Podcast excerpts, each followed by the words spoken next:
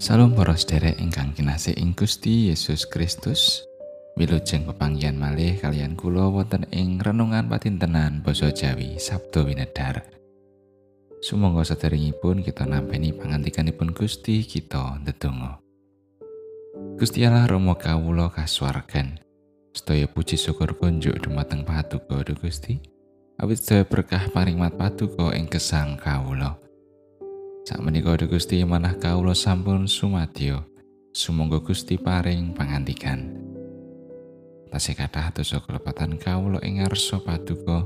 Mugi Gusti kersa paring pangaksami. Wonten ing asmanipun Gusti Yesus Kristus kawula ndedonga lan saos syukur.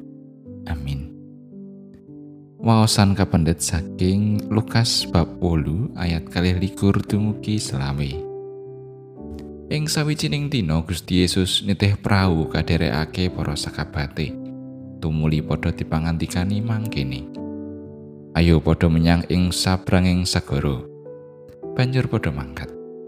Nalika lagi padha lelayaran iku Gusti Yesus kesaren. Dumadakan ana prahara ing segara kuno. Satemah praune kisenan banyu bebayani. Para sekabat banjur sowan. Mungu Gusti Yesus unjuki. Guru, guru, kawula sami katiwasan. Panjenengane iya tumuli wungu. Angin lan banyu kang ngamuk iku padha didukani. Temah lerem, kananing segara dadi anteng. Panjenengane nuli ngendika, "Pangandelmu iku ana ing ngendi?" Kabeh padha wedi lan kaeraman, sarta padha sapocapan mangkene. Sopo po ya panjenengane iku? Dene nganti angin lan banyu padha ngesokake dawuhe. Mekaten pangantikanipun Gusti ayat saking ayat sekawan likur B. Panjenengane iya tumuli wungu.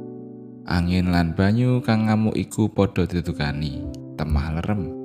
Kananing segara dadi anteng. Sinten ingkang dereng nate ngadepi prahara wonten ing gesang menika? Kepara sak menika malah nembe ing setengahing prahara. Nalika prahara nempuh kita, menapa ingkang kita tindakaken?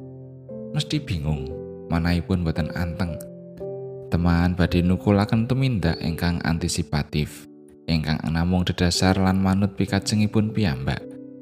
Tumindak ingkang ngendelaken dhateng daya kegiatanipun piyambak. Emanipun menawi ngantos nglirwakaken panuntun saha pitulunganipun Gusti sarta dados pilihan ingkang pungkasan kangge matur lan nyuwun pitulunganipun Gusti. Lelampahan ketus mekatan ugi sampun kalampah wonten kesanging para sekapatipun Gusti Yesus. Nalika wonten ing satengahing seganten para sekabat katempuh ing prahara ingkang kegirisi. Kamangka saestunipun para sekabat menika pandamelipun tukang ame ulam utawi nelayan. Tentu sampun kagungan pengalaman ngadepi prahara.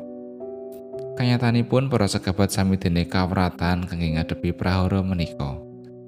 Mbok menawi prahara ingkang nempuh saestu ageng lang dereng nate dipun sumerepi napa malih dipun alami. Wontenipun prahara ingkang ageng menika ndadosaken raos ajri. Bingung boten mangertosi menapa ingkang kedah katindakaken. Kamangka sampun sesarengan kalian Gusti Yesus. Ananging kangge matur kalian Gusti Yesus menika dados pilihan ingkang pungkasan.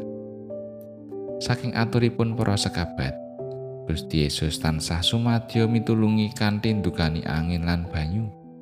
Teman prahara ingkang kegirisi saged kasirep. Swasana dados lerem lan kaananing seganten dados anteng. Ing gesang petentenan Gusti Yesus tansah manunggil kalian kita. Ananging kangge matur lan nyuwun pitulunganipun menapa sampun dados bab ingkang utama. Menapa tasih dados pilihan ingkang pungkasan. Amin.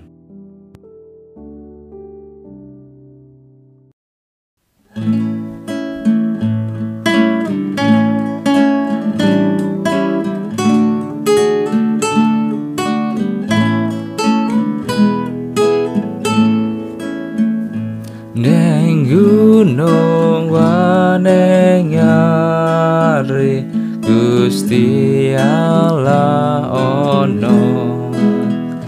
Nyangongen di paranku Mesti ono uga.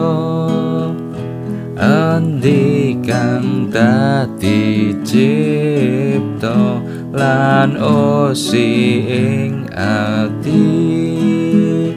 Kabeh mesti kapirsan